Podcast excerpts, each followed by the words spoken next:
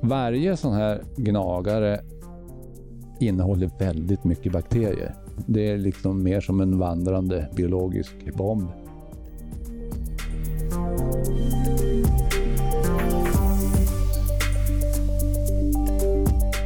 Ja, det är väl liksom det som är den stora frågan. Eh, det, vi, det vi ser i, här i Sverige är ju att vi har den här spridningen via, via myggor. Det som händer i andra länder är ju andra spridningsvägar. Så antagligen är det väldigt specifika mekanismer som ligger bakom i varje typ av natur.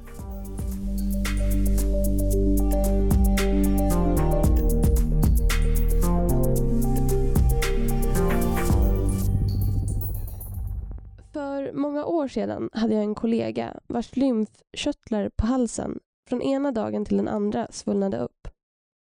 Lymfkörteln på ena sidan halsen gick först från en storlek som ungefär en pingisboll till att mer och mer likna en tennisboll. Tiden gick och eh, snart så svullnade även andra lymfkörteln på andra sidan. Min kollega mådde i övrigt bra och kanske var det därför det tog många veckor innan hen fick svar på vad denna plötsliga svullnad berodde på. Men till sist så kom svaret. Min kollega hade fått harpest. Idag ska vi prata mer om den här sjukdomen med två av FOIs experter på ämnet. Johanna Tillaus och Mats Forsman. Välkomna till Rapporterat. Tack så mycket. Tack. Inledningsvis får ni gärna ge oss en introduktion till den här äh, sjukdomen som säkert för många är ganska okänd. Um, vad är harpest för någonting? Ja, harpest är det vi brukar kalla för zoonos och zoonos betyder att det är en sjukdom som smittar mellan djur och människor. Och just den här sjukdomen är lite speciell, eh, gåtfull jämfört med många andra. Eh, och om man ska dra lite grann, lite historiskt, så eh, den kallas ju då för, med ett annat namn för tularemi. Och anledningen att det heter tularemi är att den var isolerades först i Tulare County i Kalifornien 1911 och därav namnet tularemi.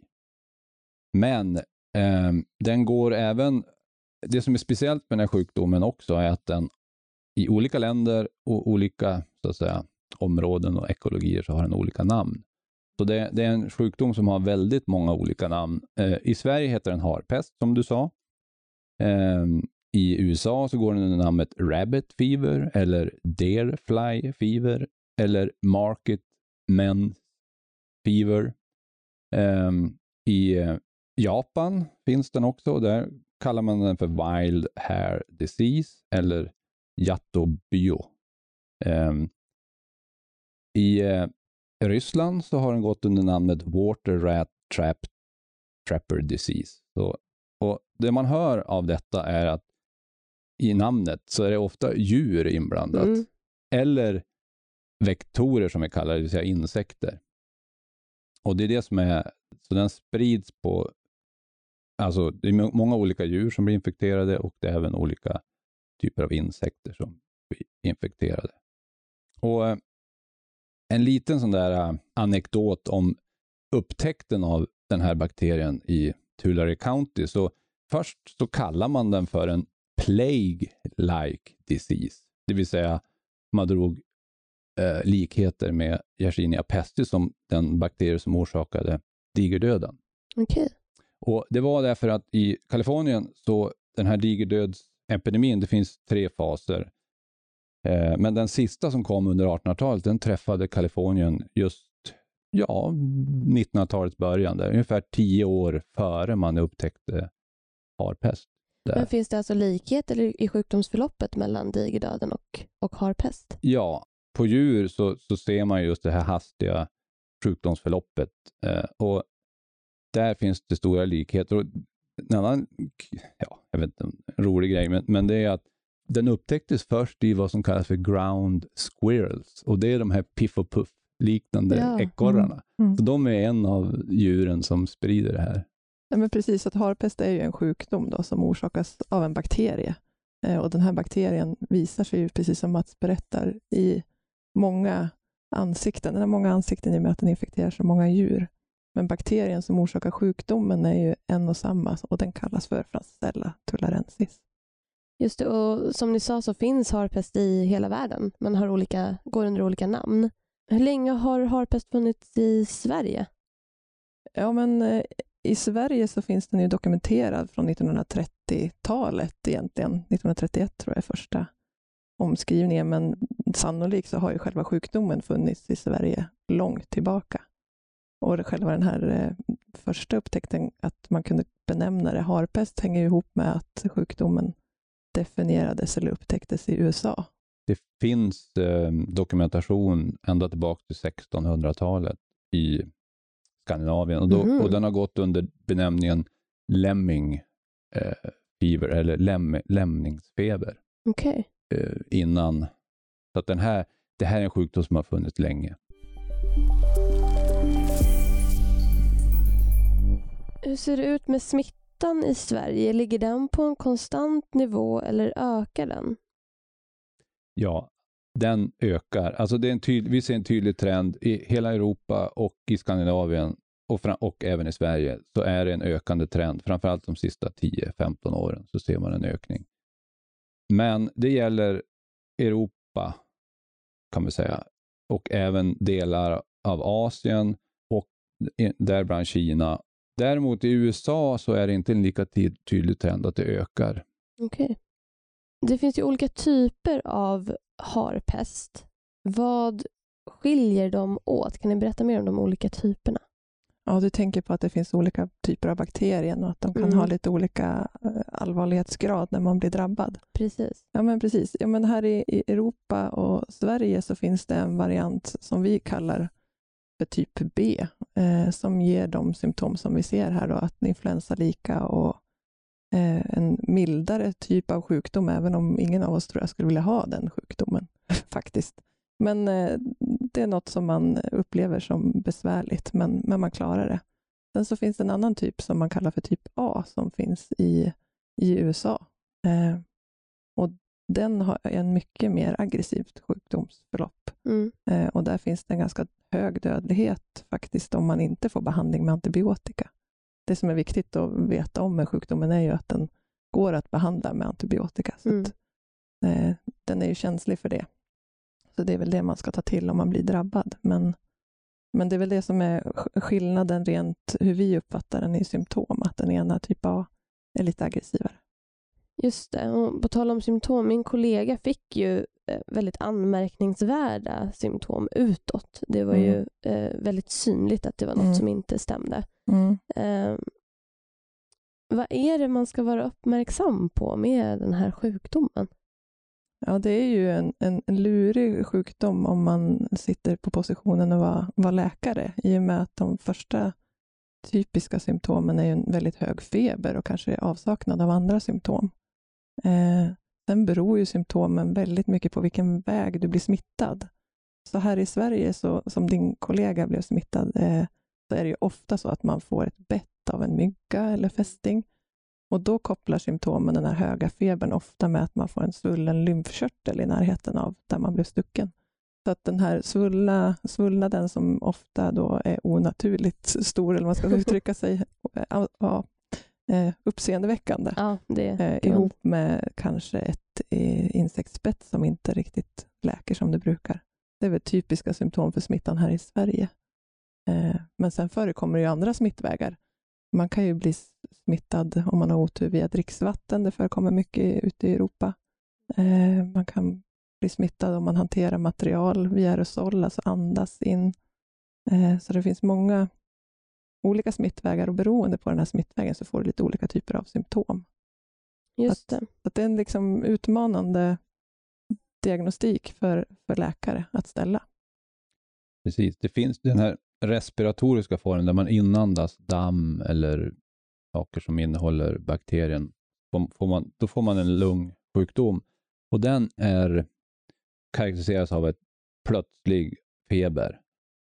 Eh, och då kan det vara svårt att skilja den från andra sjukdomar initialt. Det kan vara det är ju typ influensaliknande symptom eller till och med covid-19 symptom om man tänker att det är lung. Men sen så har man, kan man i laboratoriet testa och leta sig fram till att det inte, vad det är så att säga. Okej, så typen av symptom beror på hur man blir smittad? Mm, exakt. Det låter ju superlurigt. Och det som är också, alltså det finns flera saker som är lite unikt med den här sjukdomen. Det, det ena är att den kan smitta så oerhört många olika djur. Över 300 olika arter av djur är rapporterade att bli, kunna bli infekterade av den här bakterien.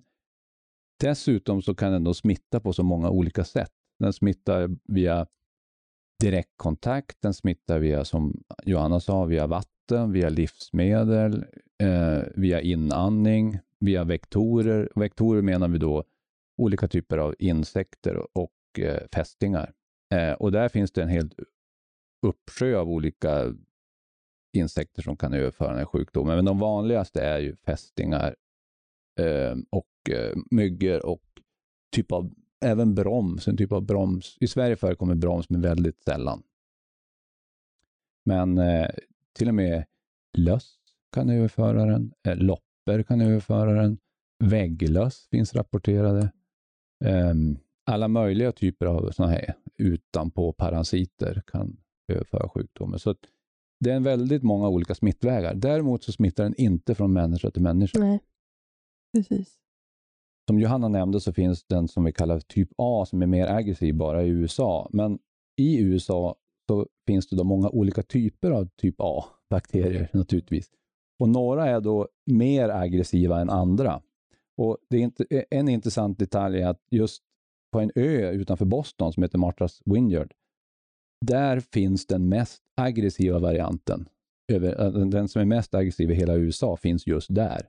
Och Det intressanta med det är att det är en sån här semesterö som senatorerna och vicepresidenten har sina sommarstugor på. Så att de är där på somrarna och har det bra.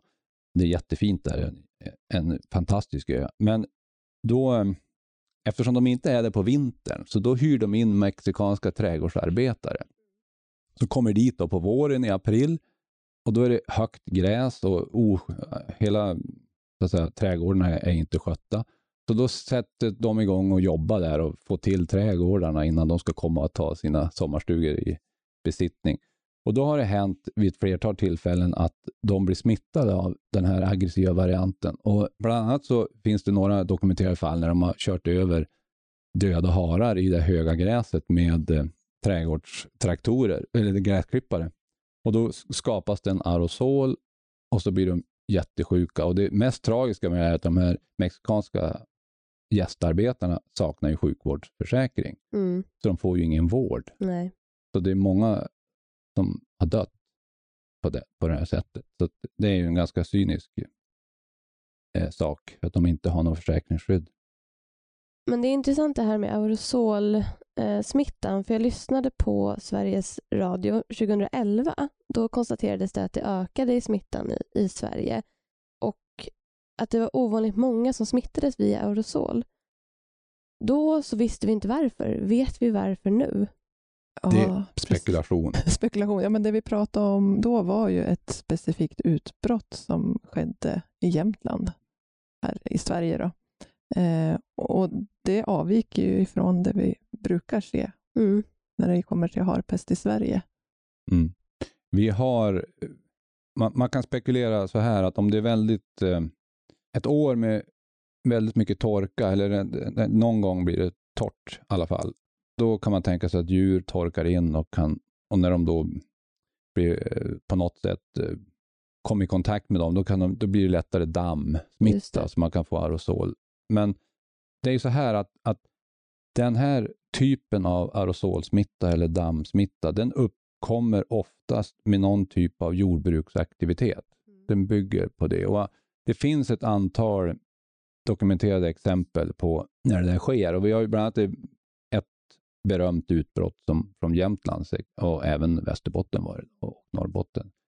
Vintern 66-67, då var det ett stort, det var det största utbrottet av eh, francisella eller tularemi, där det var smitt, eh, sprid, smittan sprids via aerosol. Mm. Och Det berodde på att man på den tiden hade man en annan typ av jordbruk än man har nu. Utan man, man lagrade gräs i lader långt ute på, på sina marker. Och sen så när det då frös då på vintern, december, januari, då åkte man dit och skulle hämta igen sitt gräs. Och då, just det året så, eh, många av sorkarna då hade dött av harpest och kontaminerade höet. Och när de då sorterade ut döda sorkar och försökte transportera det här höet på sina vagnar, då vart de aerosolsmittade. Och det var nästan tusen fall då, bara aerosolsmitta. Och det är ovanligt, det, det, det är ovanligt mycket. För normalt sett så har vi inte så mycket aerosolsmitta. Vi har kanske, ja, vad ska vi gissa, det är några procent av de som smittas varje år som är via aerosol. Mm. Ja, de händelserna kan man ju mer likna vid eh, smittfall med, med sorkfeber, som man kanske känner till mer går till på det sättet att det är damm och, och spår som lämnas efter infekterade gnagare. Eh, så, att, så att de händelserna är ju mer lika en sån smittspridning. Som då, ja, sorkfeber orsakas ju av ett, ett virus, så det är en annan typ av sjukdom. Ja, precis. Det tror jag också många kanske tänker på nu när man lyssnar på det här. Covid-19 ligger ju nära till hands för, för oss alla och jag vet inte om det är fastställt hur, hur smittan gick till där. Men en, något man har pratat om mycket är ju att det skulle varit från ett djur till människa. Vad skiljer när ett virus smittar från djur till människa och en bakterie går från djur till människa? Eh, ja, alltså det är ju båda kan man ju säga, om det är en zoonos, så, då är det ju den vägen det går, från djur till människa eller från djur, människa till djur. Um, det som är avgörande är ofta kontaktytan, alltså hur man interagerar. Man pratar ju mycket om det, precis som covid, en, en, en emerging, ny sjukdom, så handlar det mycket om att vi människor på olika sätt kanske förändrar hur vi kommer i kontakt med djur mm. som har smitta. För det är ju när man har just den här kontaktytan mellan, eh, om det nu kan handla om ebola som man härrör ifrån fladdermöss eller de här influensasjukdomarna som, som vi ser i Asien, så handlar det mycket om att, att vi stöts och blöts mellan varandra, att viruset kommer i kontakt och kanske kan förändras då för att kunna liksom föröka sig med hjälp av oss människor. Krasst sett. Så det är mycket den här beröringsytan som, som vi i Sverige inte har dagligdags utifrån hur vi lever. Men det kan ju handla om djurmarknader, det kan handla om att man hugger ner regnskog och eh, kommer i kontakt på det sättet. Så det är de här nya ja, Jag har ett exempel på det just när det gäller harpest, att man, eh, om man förändrar miljö, vi har egentligen flera exempel, men ett som åtminstone är dokumenterat är i Spanien har man inte haft harpest förrän ja, i modern tid, men det dök upp där 97, 1997.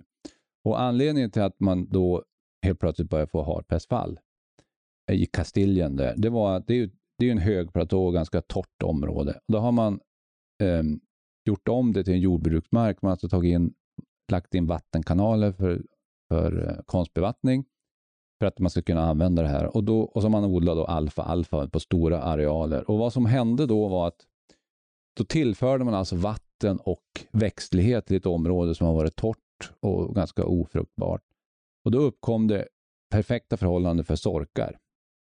Så man, man skapade ett habitat som innehöll ungefär 1000 till 1500 sorkar, eller 3000 per hektar. Det var en väldigt hög densitet av sorkar. Och så kommer då och det i sin tur då, vatten, storkar och växtlighet, det är typiska förutsättningar för harpest.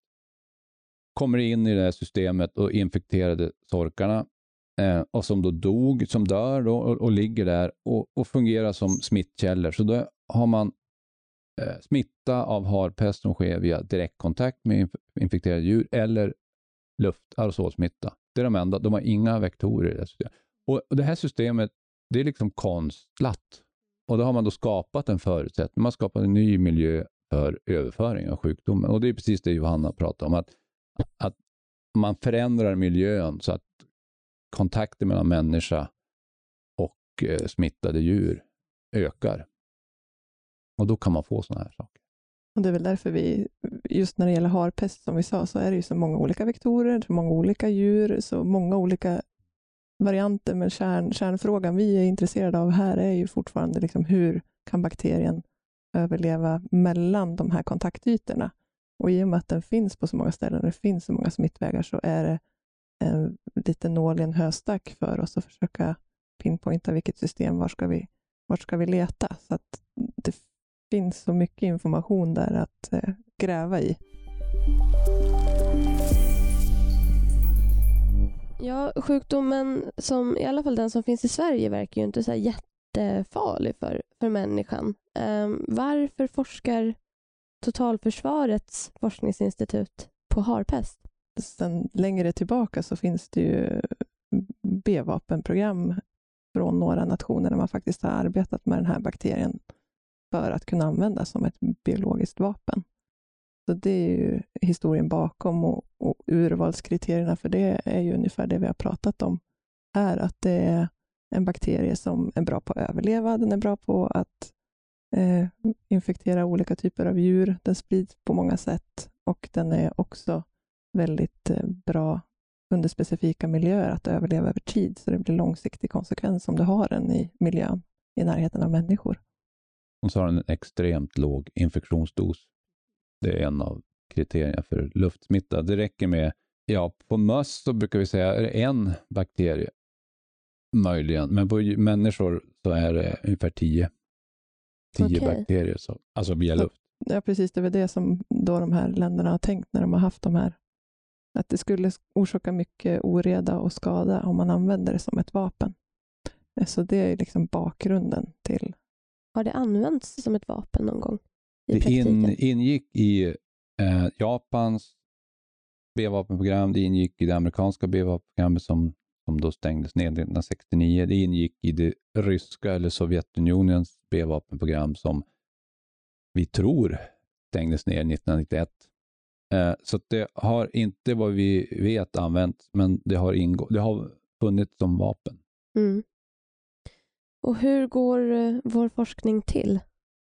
Ja, men rent konkret så jobbar vi på lite olika sätt. Eh, dels så jobbar vi på laboratorier eh, med, i rena försök för att titta på vilka är de här olika faktorerna som gör att vi måste kunna ta hand om smittan om den hamnar i en viss miljö. Hur ska vi då liksom kunna bli av med den? Kommer smittan att självdö eller kommer vi behöva sanera till exempel?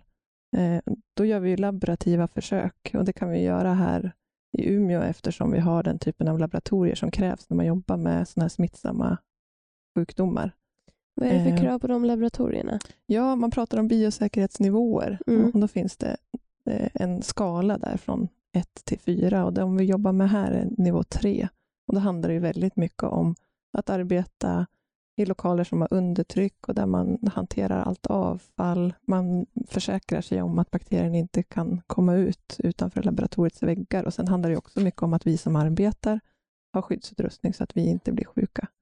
Så att det är olika skyddsbarriärer, alltifrån tryckfilter till hur vi klär på och av oss när vi går in och ut i, i laboratorierna. Så att det är ett sätt att studera bakterien, att faktiskt utföra experiment. Det vi också kan jobba med är ju att vi jobbar med miljöprovtagning och tar prover utifrån miljöer. Till exempel i Sverige där vi vet att det finns återkommande utbrott så kan man titta på vattenvektorer eh, och studera dem. Sen har vi också verksamhet som tittar eh, mer specifikt för att bli bättre på att identifiera den här organismen eller den här bakterien. Då. Till exempel vill vi ju veta mer om eh, att vi, i Sverige har vi inte sådana system, men till exempel i USA så har de ju ett system som heter Biowatch, när man Mm. skannar luft för att se vad finns det i, i miljön. Och just harpest har varit en utmaning där, för det finns så många bakterier som är väldigt lik harpestbakterien som vi blir sjuka av Okej. som ger falskpositiva resultat. Och det gäller ju för väldigt många eh, smittämnen att det finns ju de sorterna eller varianterna som gör oss sjuka, men sen finns det de som är väldigt lika som bara är vanliga miljöbakterier som för oss inte är en fara.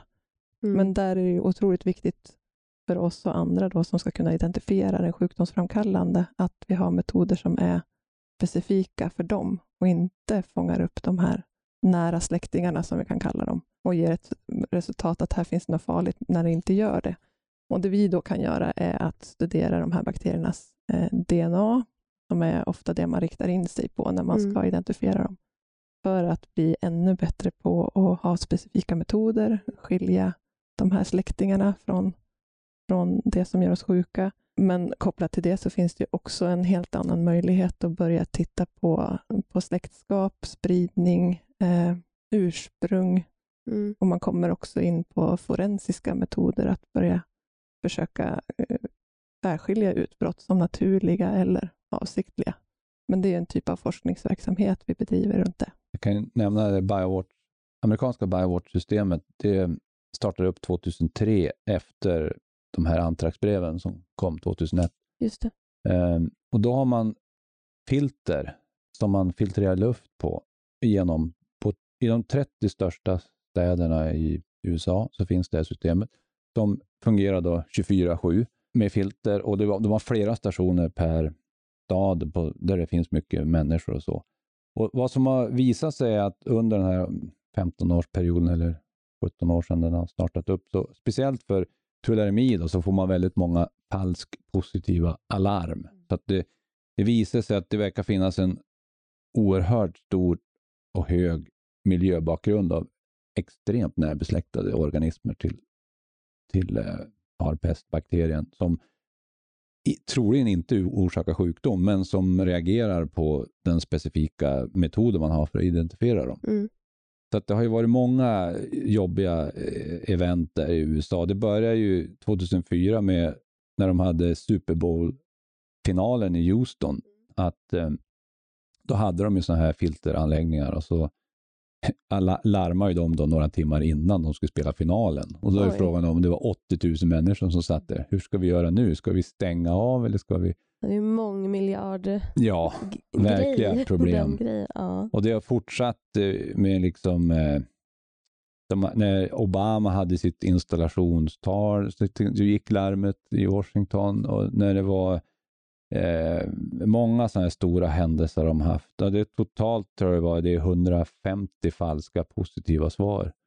Eller larm kan man säga. Alltså de har jätteproblem med det här systemet och speciellt just för, för eh, harpest då, att det blir så mycket falska positiva. Eh, och där har ju vi jobbat en hel del de sista 15 åren. Mm. Att ta fram bättre metoder och kartlägga miljöbakgrunden för att eh, man ska kunna undvika det här. Inte bara för det, men det är ju en spin-off att man då kan ta fram bättre metoder som gör att man får minska den här falsk positiva. För det innebär ju att hela tilltron till det här systemet ifrågasätts. Mm. Precis, det blir svagt. Mm. Hur, hur gick det? Höll de finalen? Ja, de gjorde det. Det, var, det där var en intressant sak. Att, jag vet inte om vi har tid att dra det, men, men de, de, de har ju en styrelse naturligtvis som, som är ansvarig för det med olika myndigheter, precis som vi har i Sverige. Man sammankallar ju ett, med olika myndigheter olika ansvar, polisen och det framförallt är det ju Homeland Security, det är de som Mm. är ansvariga för Biowatch. Eh, men eftersom det var så få timmar kvar så hade helt plötsligt började alla få annat att göra så att styrelsen droppade av allt eftersom och till slut så var de inte tillräckligt många för att ta ett beslut. Och då, då var det ett icke-beslut. Okej, Och det var ju en, en effektivt sätt att lösa det på. kanske inte det tryggaste sättet att lösa det på, men intressant. Hur får ni tag i bakterien när ni forskar på den? Ja, det vi har i, i huset, en, eh, i och med att det finns en, eh, en, en endemisk, som vi säger, alltså det finns smitta i Sverige, så har vi samarbete bland annat med Umeå universitet som, som är referenslaboratorier för att diagnostisera harpest i Sverige, där vi då eh, kan få tillgång till eh, de stammar som isoleras ifrån patienter. Och det är en del av de stammar vi har. Men, men sen så får väl du fylla i här Mats, för du har bättre koll på den stamkollektionen, men vi har ju många stammar, dels ifrån svenska fall, men också i samarbete med de samarbetspartners vi har när vi, när vi gör den här typen av forskning.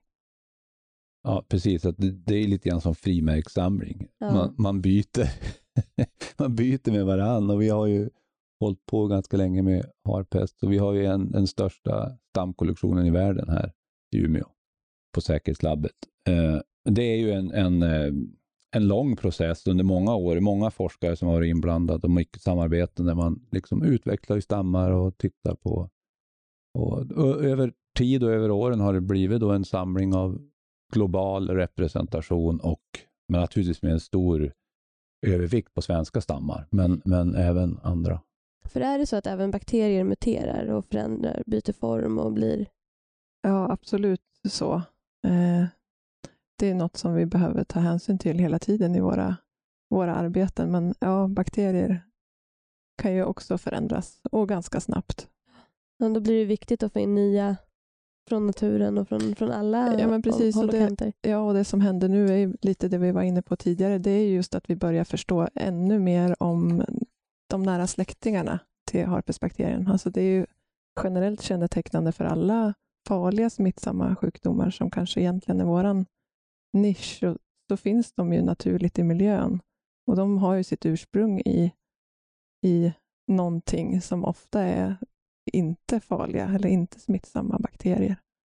Eh, att, att få bättre kontroll och kunskap om hur de här sjukdomarna har utvecklats över tid, det är ju något som är väldigt viktigt för oss att förstå.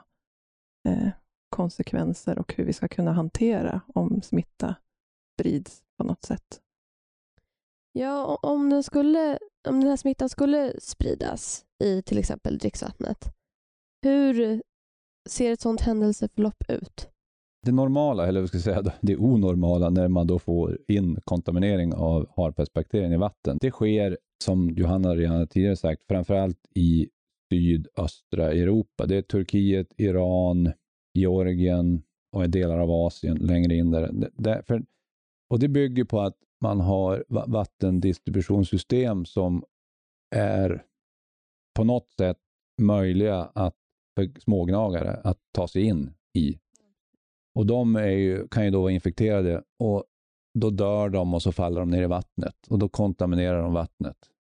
Och Det finns eh, gamla ryska försök som har testat det här bara att se hur, hur effektivt det är. Och där gjorde man en, en så att säga vattenråtta, det är en, det är en speciell typ som är väldigt bra på, på att sprida harpest. Den, den räcker för att infektera 500 000 liter vatten. Oj.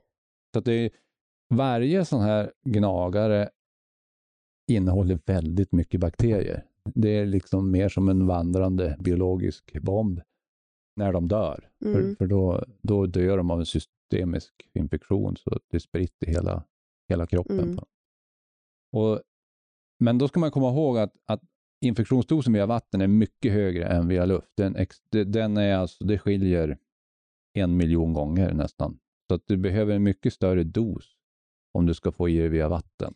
Vi sa tidigare att det var tio bakterier för en människa, så 10-6 ungefär då på, Ja. för, för, via vatten. Så det är mycket högre. Eh, men oaktat detta så sker det väldigt ofta och ganska mycket fall. Eh, och det finns en sån här annan intressant detalj som hände 2018 var det väl i Tyskland där man hade det, det här har ju hänt förut historiskt också, men det var ganska, man hade, man hade glömt det här. Men det var i alla fall, när man gör sån här Riesling-vin, då har man ju en vinpress då hade ju en olycklig gnagare som var infekterad av harpest fallit ner i vinpressen. Och så tryckte man ju sönder den eh, tillsammans med druvorna. Och då fick man harpest i vinflaskorna sen. Så då hade man en skördefest där man skulle liksom, ja, fira årets skörd. Det var en fin skörd. Um, och då drack man alltså råvin, det vill säga icke det som inte är alltså, ja, årets skördade vin. Och det slutar ju med att det var åtta personer insjuknade i harpest. Och det är ju via den här orala rutten. Då. Det, det måste ju ha varit ganska mycket per milliliter i det vinet. Eh, för det är ju samma, det är säkert, infektionsdosen är säkert högre via vin, skulle jag tro. Eftersom det är alkohol i vinet. Det avdödar ju bakterier. Så att, eh, det, det finns sådana där det är också känt att, jag menar, det, sen historiskt långt tillbaka, med äppeljuice till exempel kan vara kontaminerat om, om gnagarna haft tillgång till äpplena. Det finns den stora utbrott som har varit på sockerfabriker. Men när man producerar sockerbetor i Centraleuropa så då har man en stor hög av sockerbetorna och låter dem torka på åkern, eller gjorde så förr i tiden, 50-60-talet. Och då kom det, jag menar sockerbetor är ju bra för gnagare, de gillar ju sånt. Och sen då, då kontaminerar de hela och så tar man in det i fabriken när man ska skölja sockerbetorna och paketera dem. Och det är klart, när man då sköljer dem, då skapas det ju eh, smitta. Så, att, så att det är också en sån här klassisk smittväg. Är det lätt att upptäcka den här bakterien i dricksvatten? Eller är det, krävs det mycket? Ja, det vi har tillgängligt är ju metoder som letar efter bakteriens DNA. Det är väl det vi främst eh, använder oss av för att, att hitta det. Och då finns det ju såklart en lägsta mängd som behöver finnas där för att vi ska upptäcka den. Eh, men om man då kopplar till att vi behöver upptäcka det som är farligt för oss och så kopplar det till då att vi behöver ganska mycket bakterier för att bli sjuka om, om det kommer via dricksvatten, så, så är det inte ett så stort problem för våra DNA-baserade metoder att plocka upp. Eh, men, men en allmän utmaning med dricksvatten och smitta handlar ju om att man ofta jobbar med väldigt utspädda mängder av det man kan bli sjuk av och då finns det ju i många fall behov av att liksom samla in mycket volymvatten till ett prov och kanske använda olika filtreringsmetoder. Så det finns inte en universal filtreringsmetod för alla bakterier och alla smittor, utan det är, det är unika metoder för varje smitta? Ja, från fall till fall, lite vad frågeställningen är och vad man kan förvänta sig att behöva leta efter. Ja. Hur lite måste vi kunna hitta för att vara, kunna svara att det här är säkert? Det handlar ju ofta om att man måste kunna, målet är ju att kunna säga att det här är ett vatten vi kan använda. Det här är ett vatten som är säkert. Och i ett annat fall kan det handla om att spåra någonting. Är det någon som har gjort något med det här vattnet? Eh, kan vi spåra någon, någon förorening eller har det hänt någonting? Har det läckt in någonting? Då, då kanske man vill ha en annan typ av koncentration av vattnet. Men i, i andra ändan handlar det också om att just mot harpest så finns det ju åtgärder när man väl har upptäckt att det finns en kontamination så finns det ju åtgärder att göra för att vattnet ska kunna brukas. Man kan ju koka vatten och klorinera vatten. Och, så då kanske man går till de åtgärderna.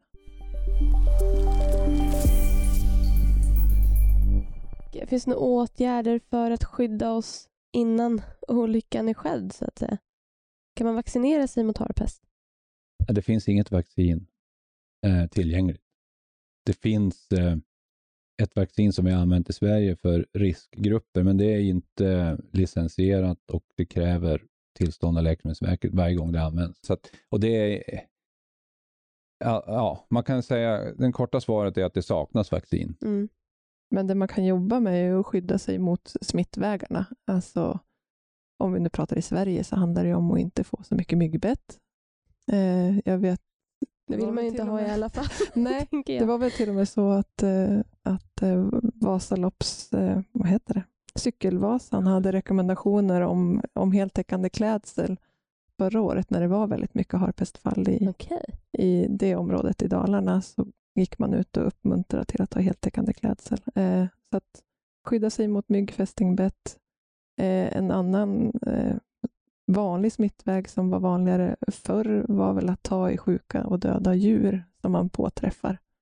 Eh, inte klippa gräsmattan och bli av med djuren på det sättet. Vi hade ju ett fall här, eller flera fall, två fall här i Umeå i 2019 när det var ett riktigt harpestår.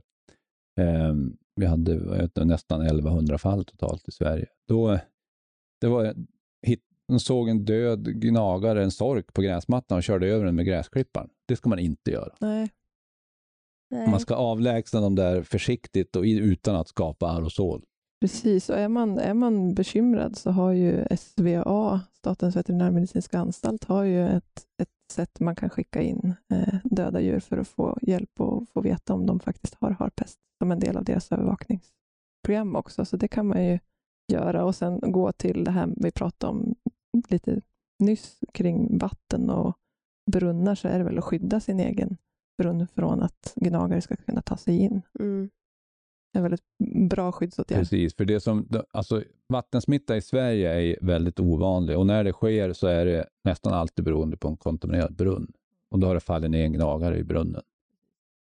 Och annars har vi nog inte det i vatten, Nej, det är bara det har varit privata lite brunnar. vanligare till exempel i Norge där man har ett mm. annat sätt med sina hytter och sådär. Ja, där, där har det förekommit det. mer. Mm. Vad är det som gör att ett år blir ett harpestår?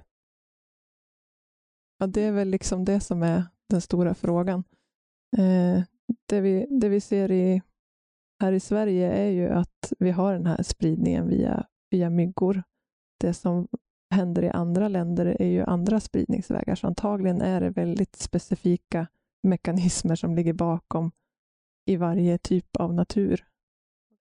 Eh, så det vi vet och det vi har sett i våra försök är ju att de här myggorna kan ju plocka upp bakterien redan i sitt larvstadie i vattnet.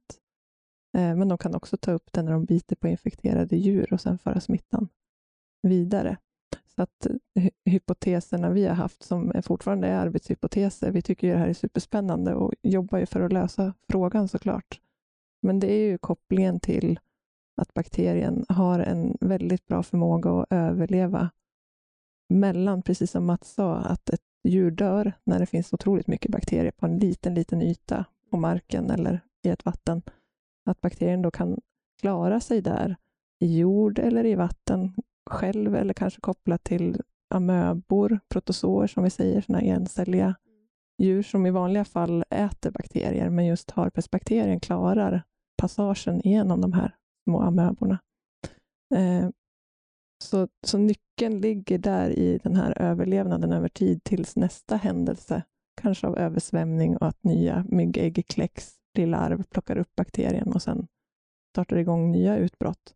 Men vi vet ju inte säkert om myggorna är det som triggar eller om det är något annat. Till exempel en, en stor gnagarpopulation som, som också har en dynamik i sig där de är en stor population till slut kraschar av olika orsaker där många djur kanske inte har tillräckligt med eh, föda och blir känsliga och utvecklar sjukdomen. Eh, Så vi vet inte, alla de här parametrarna spelar antagligen in, men vi har inte riktigt Men vi tror ju att vatten är viktigt.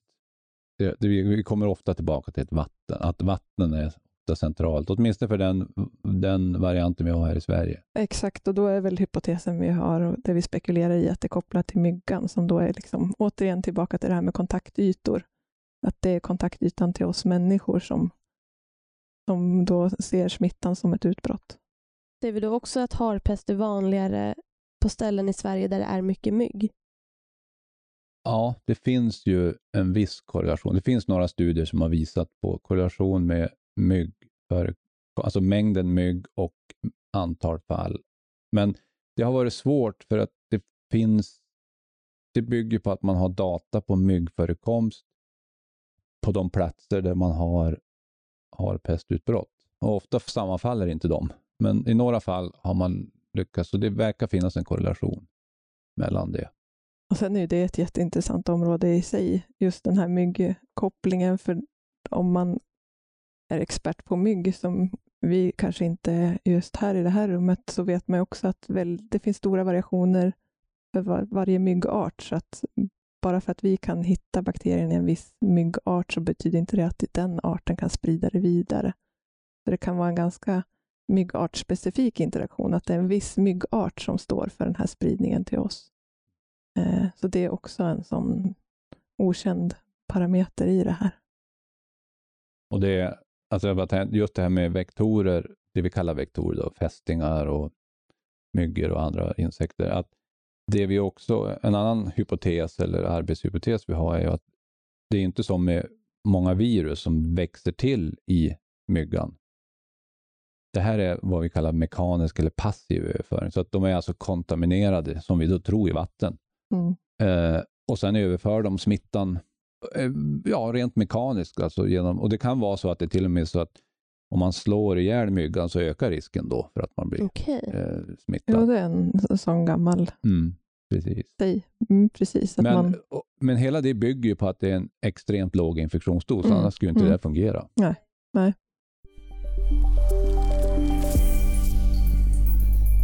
Jag hörde från en eh, kollega på FOI om en historia om att man hittade smitta i en mygga av väldigt, väldigt många myggor. Hur, hur, går, hur går en sån grej till? Hur hittar man en smittad mygga ibland? Hur många tusen var det?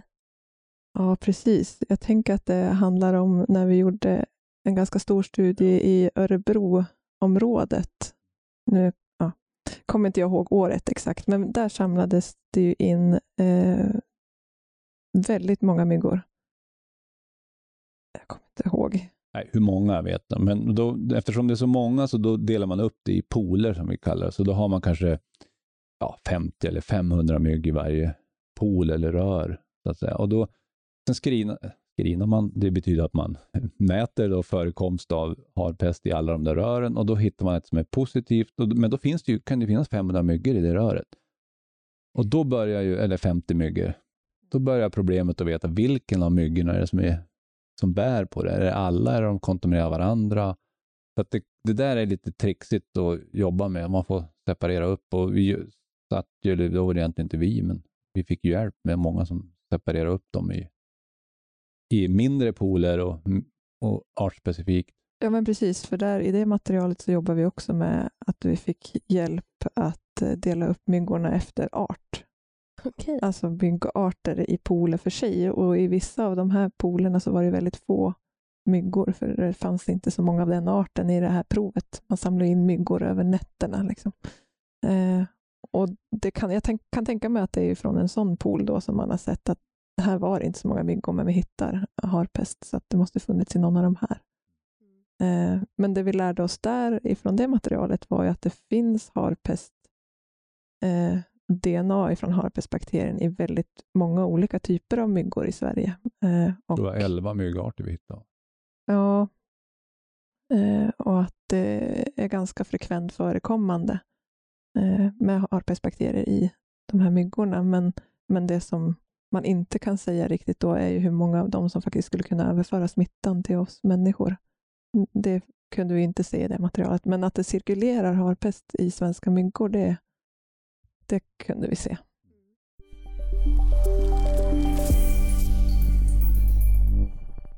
Vi har ju pratat lite om eh, forskningen på internationell nivå med Biowatch. Är det något annat samarbete som, som vi är involverade som ni vill berätta om? Biowatch, det är ju en del och den, det är ju en del i ett större paket som har pågått de sista 15 åren och, och det är ju ett, vi har ett eh, avtal med USA där vi kan göra samarbeten och där har ju MSB varit mycket behjälplig med finansiering. Eh, och det har syftat till, egentligen syftar det till att eh, undersöka metoder för att kunna avgöra om det har skett en avsiktlig eller om det är en naturlig spridning av harpest. Det har varit mm. det är målsättningen med det jobbet. Och det har varit, våra samarbetspartner där har varit eh, Department of Homeland Security. Även FBI har vi jobbat med. Vi har jobbat med National Bioforensic Analytical Center i Baltimore. Och nu på sista åren här har vi ju fokuserat vårt samarbete med Northern Arizona University och eh, Department of Homeland Defense. Och där har det varit mycket mer, nu förutom det, det vi kallar då bioforensik, det vill säga att försöka ta reda på om det är avsiktligt eller inte avsiktligt, så har det varit mycket de senaste åren fokus på att studera överlevnad. Och det tror jag Johanna kan nämna något mer om. Ja, men precis. Där är det ju eh, Detra som finansierar, alltså Defense Threat Reduction Agency i USA, som finansierar ett samarbete mellan oss och Northern Arizona University som går ut på just det vi varit inne lite på, att den här bakterien är väldigt bra på att överleva eh, mellan de här händelserna som vi har pratat om. Eh, och vi försöker då tillsammans med våra samarbetspartner i USA titta på sådana här laborativa försök. Vilka förhållanden är det som, som är avgörande för att den här bakterien ska kunna överleva? Vad är det för någonting som, vilka mekanismer finns hos den eh, som gör att den överlever? Det finns ju, om man drar paralleller till exempel till antraxbakterien som bildar sporer som blir liksom en enhet som ligger inert i, i miljön och klarar sig tills rätt förhållanden kommer. Det är liksom en extremt sätt att överleva eh, över lång tid. Eller är det så att den faktiskt eh, har ett, en, en, någon form av symbios eller samverkan med till exempel de här amöborna? Vilka faktorer är det som är avgörande för att den, den överlever där? Är ni något på spåren? Alltså hela, hela projektets ingången var att man vill titta på om den här bakterien har ett sånt där stadie när den är levande, men vi inte kan odla den på laboratorier. Det är liksom ett känt eh, stadie som, som flera bakterier uppvisar. Eh, och det vi kan se från våra försök är väl att, att bakterierna är otroligt effektiva på att överleva över lång tid, men vi har inte riktigt pinpointat vad det är för mekanism, om det är en sakta avdödning eller om det är så att den faktiskt eh, har en mekanism som slår igång någon slags överlevnadsfas, som man säger. Så det är väl det vi är ute efter. Vad är liksom den där, sker det en trigger eller inte? Så har jag och Johanna även jobbat med ett annat amerikanskt samarbete med Pacific North National Laboratory Ja, i Richmond, eh, Mm. som handlar, handlar ut och tittar på snabb, kunna detektera i utandningsluft ifall man är infekterad av eh, harpest. Och även o- om man är infekterad av olika varianter av harpest. Så där har vi gjort mycket försök med att studera eh, sammansättningen av lösliga organiska ämnen som bakterien släpper ut när den växer. Okej. Och så kan man kolla det med ett eh, utandningsprov. är ju tanken då, så ska man kunna avgöra dels om man är infekterad och dels med vad man är infekterad av. Och det har väl, det är ganska lovande ut, fast det projektet är snart slut. Så vi har håller på med avrapportering. Spännande. Då hoppas jag att du får läsa mer om det i framtiden. FOI och, eh, eller Sverige och FOI var ju väldigt tidiga med att börja studera harpest i förhållande till resten av världen, så som jag har förstått det i alla fall. Ligger vi också i framkant? Ja, vi, vi, åtminstone i amerikanernas ögon så kallas vi Center of Excellence. Eh, om, det, det är inte en bedömning vi har gjort själva. Eh, men eh, vi har ju hållit på länge. Vi har, vi har en lång tradition av att jobba med det här. Så att vi, har ju en, vi är välkända i världen.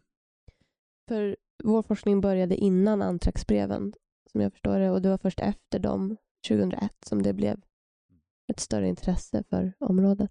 Mm, mm. Om man vill lära sig mer om det här, har ni några lästips?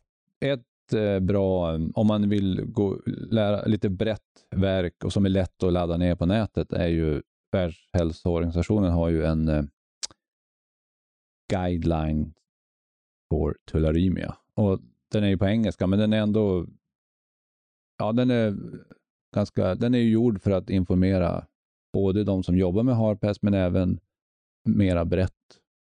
Eh, och den är väl, tycker jag, en bra start i alla fall att läsa.